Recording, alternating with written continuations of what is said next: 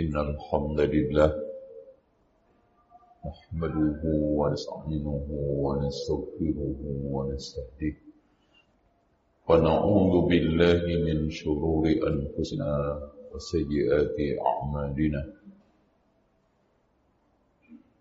من يهده الله فلا مضل له ومن يضلل فلا هادي له. أشهد أن لا إله إلا الله وحده لا شريك له وأن محمدا عبده ورسوله. قال الله عز وجل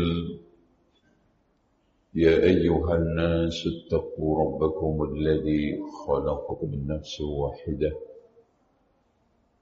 وخلق منها زوجها وبث منهما رجالا كثيرا ونساء واتقوا الله الذي تساءلون به والأرحام إن الله كان عليكم رقيبا. وقال عز وجل يا أيها الذين آمنوا اتقوا الله حق تقاته ولا تموتن إلا وأنتم مسلمون. وقال تبارك وتعالى يا أيها الذين آمنوا اتقوا الله وقولوا قولا سديدا. يصلح لكم أعمالكم ويغفر لكم ذنوبكم ومن يطع الله ورسوله فقد فاز فوزا عظيما. فإن خير الحديث كتاب الله.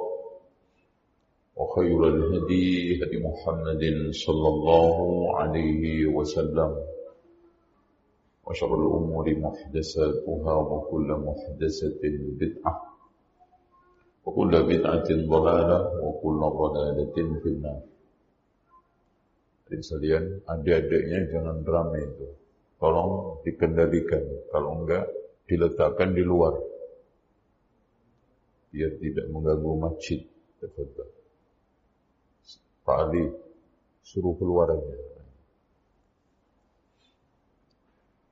Hadirin sekalian yang dirahmati oleh Allah. Malas dan lemah adalah penyakit rohani yang paling berbahaya. Karena itu akan menurunkan derajat ulul himmah, kesemangatan seseorang di dalam hal apa pun. Karena kata Imam Ibn Qayyim al-Jauzi untuk meraih sesuatu itu dibutuhkan dua rangkap kekuatan. Semangat yang menghantarkan untuk meraih tujuan, keduanya ilmu yang memberikan petunjuk jalan untuk menuju tujuan. Ini dua nggak boleh lepas. Ya. Tahu jalannya, ada kemauannya. Oleh karena itu hadirin sekalian, di dalam hal apa pun, kesemangatan dan juga ilmu itu berpengaruh. Nah, kata Imam Ibn Qayyim juga di dalam kitab Al-Fawaid, seorang untuk meraih tujuan itu dihambat oleh tiga hal. Yang pertama adalah al-awa'id, yaitu adat kebiasaan yang sudah mendarah daging. Ya. Yang sulit untuk dihindarkan, dihilangkan. Apa itu? Ingin hidup bersenang-senang dan santai. Itu setiap orang. Jadi awa'id. Orang itu kan maunya nyantai, hidupnya bersenang-senang, bermalas-malasan, tidak mau susah, boleh makan enak, makin bagus, uang banyak, kalau bisa kerjanya nggak susah. Itu maunya dia disiapkan ikan di wajan kemudian mengail di wajan. Mungkin nggak? Namanya indahnya berburu itu harus nginjak juri. Berburu itu nggak mungkin nyantai enak dan di dunia ini adalah kata Profesor Dr. Hamka alam buruan untuk memburu kebaikan. Sudah watak berburu. Ya nginjek juri terbentang satu hambatan yang besar. Yang keduanya adalah al-awaik, kendala. Kendala itu kata beliau tidak lain kata Imam Ibnu Ibnu Qayyim syirik bid'ah maksiat. Ini yang membuat kendala orang itu sampai kepada tujuan yang tidak lain adalah surga. Yang ketiganya adalah anaik, ketergantungan. Ketergantungan terhadap apa? Ketergantungan terhadap syahwat. Cinta dunia. Dan tiga-tiganya inilah yang bikin orang akhirnya itu malas dan lemah. Tidak sanggup menghadapi awaid adat kebiasaan yang sudah mendarah daging tidak bisa menyingkirkan awaik kendala. Tidak bisa menghilangkan anaik ketergantungan. Maka dia akan lemah malas dan ini yang dimohonkan berlindung oleh Umar bin Khattab Allahumma inni a'udzubika min ajzil mu'min wa jaladil fajir. Ya Allah, aku beri kepadamu dari lembeknya orang mukmin dan gigihnya orang fajir.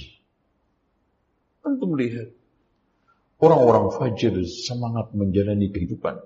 Gak sholat, tapi etosnya Masya Allah. Mukmin kadang-kadang setelah ngaji itu malah letoy setelah manhaj itu malah lembek. Kenapa? Apakah manhaj akidah itu menyebabkan semua itu terjadi? Ini namanya mengambil hitamkan. Sehingga diri sekalian hidupnya tertawan dengan suatu ketergantungan dan minta-minta. Dan kata Rasulullah, la tazalul mas'alatu bi ahadikum hatta yalqallaha ta'ala walaysa fi wajhi muzhatu lahmin. Tidaklah seorang itu hidup terus meminta-minta sampai nanti ketemu Allah, mukanya tidak ada dagingnya. Sehingga Rasulullah di sinilah menekankan kepada kita, ihris ana ma yanfa'uk berusaha dengan sungguh-sungguh mengejar sesuatu yang bermanfaat. Apa sih yang bermanfaat buat saya sebagai guru? Apa sih yang bermanfaat buat saya sebagai pedagang? Apa yang bermanfaat buat saya sebagai pengelola pondok yayasan sekolah? Ihris. Dalam kesungguhan kita, di dalam proses menghadapi itu semua, Pasti tadi ada tiga awaid, awaik dan alaik. Wasta'in billah. Mintalah bantuan kepada Allah. Supaya bisa menghilangkan tiga itu. Wasta'in billah. Karena pada dasarnya seorang tidak akan bisa berbuat apa-apa kalau tidak dibantu oleh Allah. Makanya kenapa isti'anah itu di dalam ba Bismillah didahului dengan kalim huruf ba. Para ulama menegaskan itu adalah baul isti'anah. Dan faedahnya adalah mukhalafatul kufar menyelisih orang-orang kafir. Karena orang-orang kafir ketika mau kerja, mau usaha, mau berbuat, menyebut nama Tuhannya, maka kita menyebut nama Allah. Bismillah. Untuk supaya dibantu Allah. Ya Allah, bantulah aku makan supaya makanan saya ini berkah. Bantulah ya Allah aku mengajar supaya mengajar saya ini bermanfaat ilmunya. Bantulah ya Allah aku termasuk di dalam hubungan suami istri supaya anak saya yang lahir ini menjadi anak soleh. Bismillah.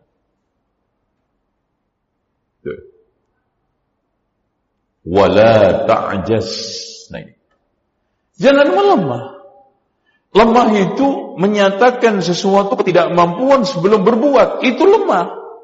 Sebelum mencoba. Itu lemah. Jadi inilah penyakit yang paling dimusuhi oleh Rasulullah SAW. Makanya sampai Rasulullah mengajarkan kepada kita doa Allahumma inni a'udzubika minal hammi wal hazan wa minal ajzi wal kasl wa minal jubni wal bukhl wa min ghalabati daini wa qahrir rijal.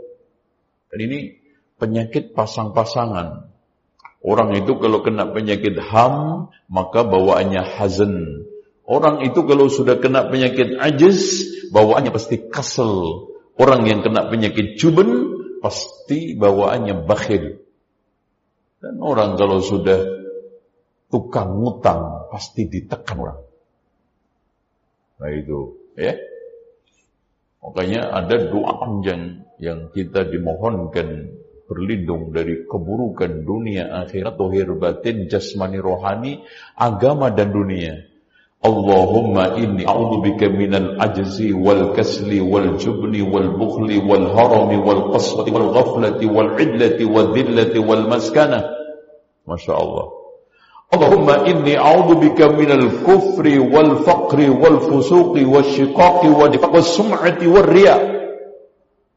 Allahumma inni a'udzubika minas samani wal bakami wal jununi wal judam wal baras wa a'udzubika min sayyi'il asqam. Rawahu Ibnu Hibban wal Hakim. Dan rugi kalau ada orang selama hidupnya nggak hafal doa ini. Akan digerogoti berbagai macam penyakit dunia, agak dunia, agama, jasmani, rohani. Zahir batin. Nah, supaya kita tidak tertawan dengan suatu lamunan, karena memang orang langkah itu ada kendala. Sepandai-pandai tupai kata orang akan gawal juga, sepandai-pandai kuda itu melompat akan juga tumbang. Maka di sini, kalau kamu terkena sesuatu, nah, ini, Wa in syai' fala taqul law anni fa'altu kadza lakana kadza. Kalau seandainya aku begini, kan enggak begini harusnya. Jangan. Fa inna law karena law itu taftah amal syaitan, membuka pintu-pintu syaitan. Karena antum tertawan dengan lamunan, dibukakan berbagai macam hayalan dan keburukan-keburukan ingkar terhadap takdir dan ketentuan Allah. Itu pintu setan yang paling berbahaya. Antum mengingkari ketetapan Allah, antum mengingkari nikmat Allah, antum tidak percaya akan takdir Allah. Itu pintu setan yang paling berbahaya. Makanya jangan mengatakan lam. Kemalasan bisa menimpa seseorang pada satu menuntut ilmu, terutama ilmu agama. Yang kedua di dalam berdakwah dan mengajak kepada agama Allah. Yang ketiga di dalam amar ma'ruf nahi mungkar ajiz. Karena benturan-benturan yang terjadi, tantangan yang begitu hebat, gosip-gosip terhadap dakwah sunnah ini berat, akhirnya apa? Sembunyi. Melemah, menghilang. Takut dengan berbagai macam konsekuensinya. Ya, apalagi di sosmed ya, diserang ya apalagi kena tagar war ya, perang tagar ya. ya dengan isu-isu, wah balonku ada lima, nyerang semuanya. Ya, naik-naik ke puncak gunung, nyerang semuanya. Itu biasa. Akhirnya mbak, waduh, nggak jadi deh. Dan juga malas di dalam membaca Al-Quran.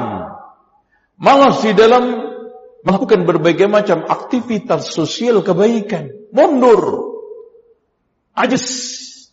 Yang dulu itu melompat tinggi, yang dulu berkiprah kuat di tengah sosial dan masyarakat, menghilang begitu saja, ajis. Dan itu awalnya adalah lemah malas. Makanya al-ajzi wal kasbi. Dan itu dipicu oleh apa dengan sekalian? Awalnya kata para ulama, orang terkena penyakit itu karena ada satu kebiasaan tawaduk berpura-pura. Orang sebetulnya tampak secara dohir tawaduk, tapi itu dibuat-buat. Awalnya itu, contoh disuruh azan, katanya takut riak, sum'ah suaranya didengar orang. Ya mana ada mas, azan gak didengar orang. Disuruh sholat jamaah, katanya nanti pamer amal kebaikan. Kapan? Jadi kemalasan-kemalasan ini ditutup dengan berbagai macam argumen yang nampaknya itu bagian daripada tawaduk, tapi tidak pada tempatnya. Yang kedua adalah terlalu semangat yang emosional. Yang pada pertemuan-pertemuan yang lalu sudah saya sampaikan kesemangatan yang dibangun di atas perasaan, kesemangatan yang hanya dibangun di atas emosional, umurnya itu nggak panjang. Tapi kalau sekarang kesemangatan didasarkan atas keyakinan dan ilmu, basirah akan awet. Makanya kalau ada seseorang yang kadang-kadang tanya, Ustaz, bagaimana saya kerja dengan memelihara jenggot? Ya kembali kepada antum. Yakin nggak antum? Ustaz bagaimana saya sekarang ini pakai cadar di tempat kerja saya. Kembali kepada ukhti fillah. Bagaimana keyakinanmu? Dan keyakinan itu penting. Dan keyakinan itu kuatnya kita memegang kebenaran, terangnya kebenaran di dalam benak kita sampai seperti terangnya kematian. Makanya ketika para ulama menafsirkan firman Allah, "Falya'bud rabbaka hatta ya'tiyakal yakin." Apa artinya yakin? Kematian. Karena dituntut keyakinan kita itu terang seperti terangnya kematian yang akan menghadang kita semuanya. Gak ragu tidak ada orang yang ragu terhadap kematian. Tidak ada orang yang syak akan hadirnya kematian. Seperti itulah bangunan keyakinan kita harusnya. Makanya para ulama mendefinisikan yakin adalah subutul haqqi fil qalbi. Tetapnya kebenaran di dalam hati. Kemudian yang ketiganya adalah malas. Yang keempatnya adalah bosan. Makanya sekarang juga banyak orang malas karena bosan menjalani kehidupan karena pandemi. Bosan di rumah, bosan ngajar, malas akhirnya. Bosan menjadi suami, malas. Bosan menjadi istri, ya pulang kampung aja. Bosan menjadi guru, ya keluar aja. Kan gitu. Selanjutnya diri sekalian yang dirahmati oleh Allah tidak sabar. Ketika seseorang menekuni segala sesuatu tidak sabar pasti akan lemah. Ya. Kesabaran itu dituntut pada pada tingkatan sampai puncak kita diuji. Isbiru wasabiru warabitu. Maknanya apa Pak? Isbiru sabarlah. Wasabiru bersabar untuk sabar. itu nunggu hasil daripada kesabaran dan nunggu kepastian kesabaran dan nunggu puncak keberhasilan untuk sabar. itu ribat apa artinya ribat? Ya. Salat satu dengan salat yang lainnya kan kata Rasulullah dikatakan ribat karena itu bagian daripada kesabaran yang beruntut. Seumur hidup gak pernah putus coba Nunggu dari asar, maghrib, isya, subuh terus ya. Makanya dikatakan ribat. kumur ribat. Terus kemudian putus asa. Wala tay'asu min rauhillahi illa al-qawmul kafirun. Gak ada orang yang putus asa kecuali orang-orang kafir. Gak patut. Kenapa? Karena orang mukmin itu gak ada yang patut diputus asai. Kenapa? Kehidupan yang lebih hebat, kenikmatan yang lebih sempurna itu nanti. Apanya yang kita putus asa? Di dunia ini, Pak, tidak ada perlu yang kita sedihkan, tidak ada yang perlu kita kecewakan, tidak ada yang perlu kita sesali. Karena pada akhirnya semuanya ini semu, semuanya sementara, tidak abadi. Makanya para ulama mengatakan carilah kenikmatan yang tidak pernah tersentuh oleh kematian yaitu surga. Karena nanti. Makanya innal mu'min la yara saman illal jannah. Seorang mukmin itu tidak pernah menghargai sesuatu kecuali surga. Makanya kalau nggak ada surganya nggak mau keluar keringat nggak ada surganya mundur. Takut itu juga termasuk menyebabkan orang itu malas, tidak terbuka juga termasuk dan ragu-ragu. Nah, dari sini ikhwas sekalian, Allah Subhanahu wa taala menganjurkan kepada kita walladzina idza fa'alu fahishatan aw zalamu anfusahum dzakarullah fastaghfirullah li dzunubihim dan seterusnya. Qul qawli hadza wastaghfirullah li wa lakum wastaghfirullah al-azim innallaha wal ghafurur rahim.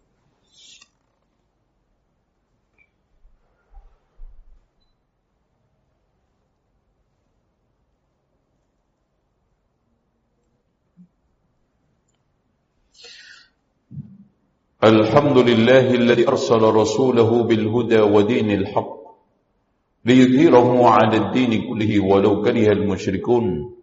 أشهد أن لا إله إلا الله وحده لا شريك له وأن محمدا عبده ورسوله. وبعد.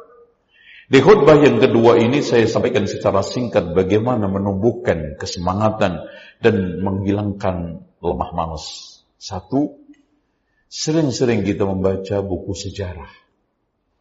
Karena sejarah itu penuh dengan pelajaran wa fi qasasihim ibratun liul albab.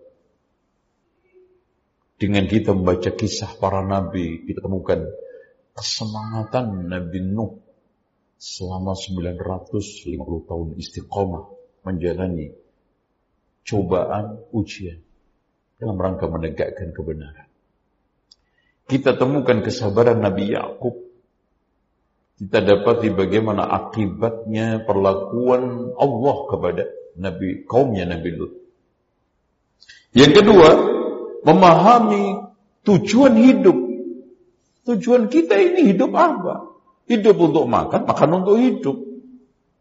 Mana yang kita pilih? Kalau kita makan, beraktivitas, berpakaian untuk hidup dan hidup punya tujuan mulia, wa ma khalaqtul jinna wal insa illa liya'budun, sampai kapan kita bisa menyempurnakan ibadah? Kok sempatnya kita leha-leha, kita sempatnya malas bersantai ria. Yang kedua, mengunjungi orang-orang soleh yang memiliki kesemangatan tinggi, ulul himmah. Ya, kalau antum sekarang ini berteman dengan orang malas, yang antum kunjungi orang-orang yang ngendori berbuat baik, udah hancur di atas kehancuran. Kemudian selanjutnya adalah memiliki kemantapan hati untuk menghilangkan kelemahan, kemalasan, dan juga berbagai macam ketidakberdayaan. Itu harus ada. Mudah-mudahan kita semuanya termasuk orang-orang ya, minal mutahadisin. Ya. Laisu minal qanitin al-yaisin. Mudah-mudahan kita termasuk orang-orang yang semangat. Ulul himmah. Bukan orang yang malas, semang, ini lemah. Ala Muhammadin wa ala ali Muhammad kama sallaita ala Ibrahim wa ala ali Ibrahim innaka Hamidum Majid.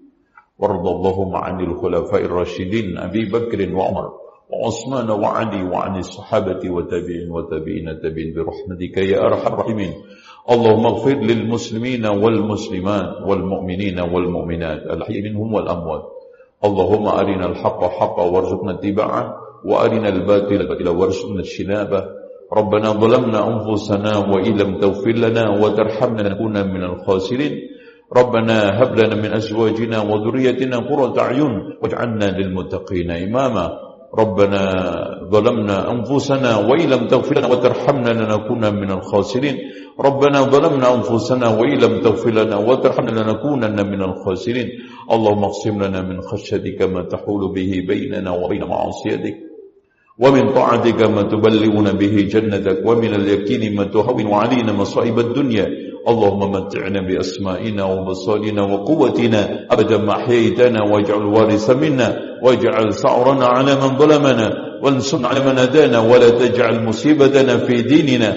ولا تجعل الدنيا أكبر همنا. ولا مبلغ علمنا. ولا تسلط علينا من لا يرحمنا. ربنا آتنا في الدنيا حسنة وفي الآخرة حسنة وقنا عذاب النار. عباد الله إن الله يأمر بالعدل والإحسان وإيتاء ذي القربى وينهى عن الفحشاء والمنكر والبغي يعظكم لعلكم تذكرون ولذكر الله أكبر. أقم الصلاة.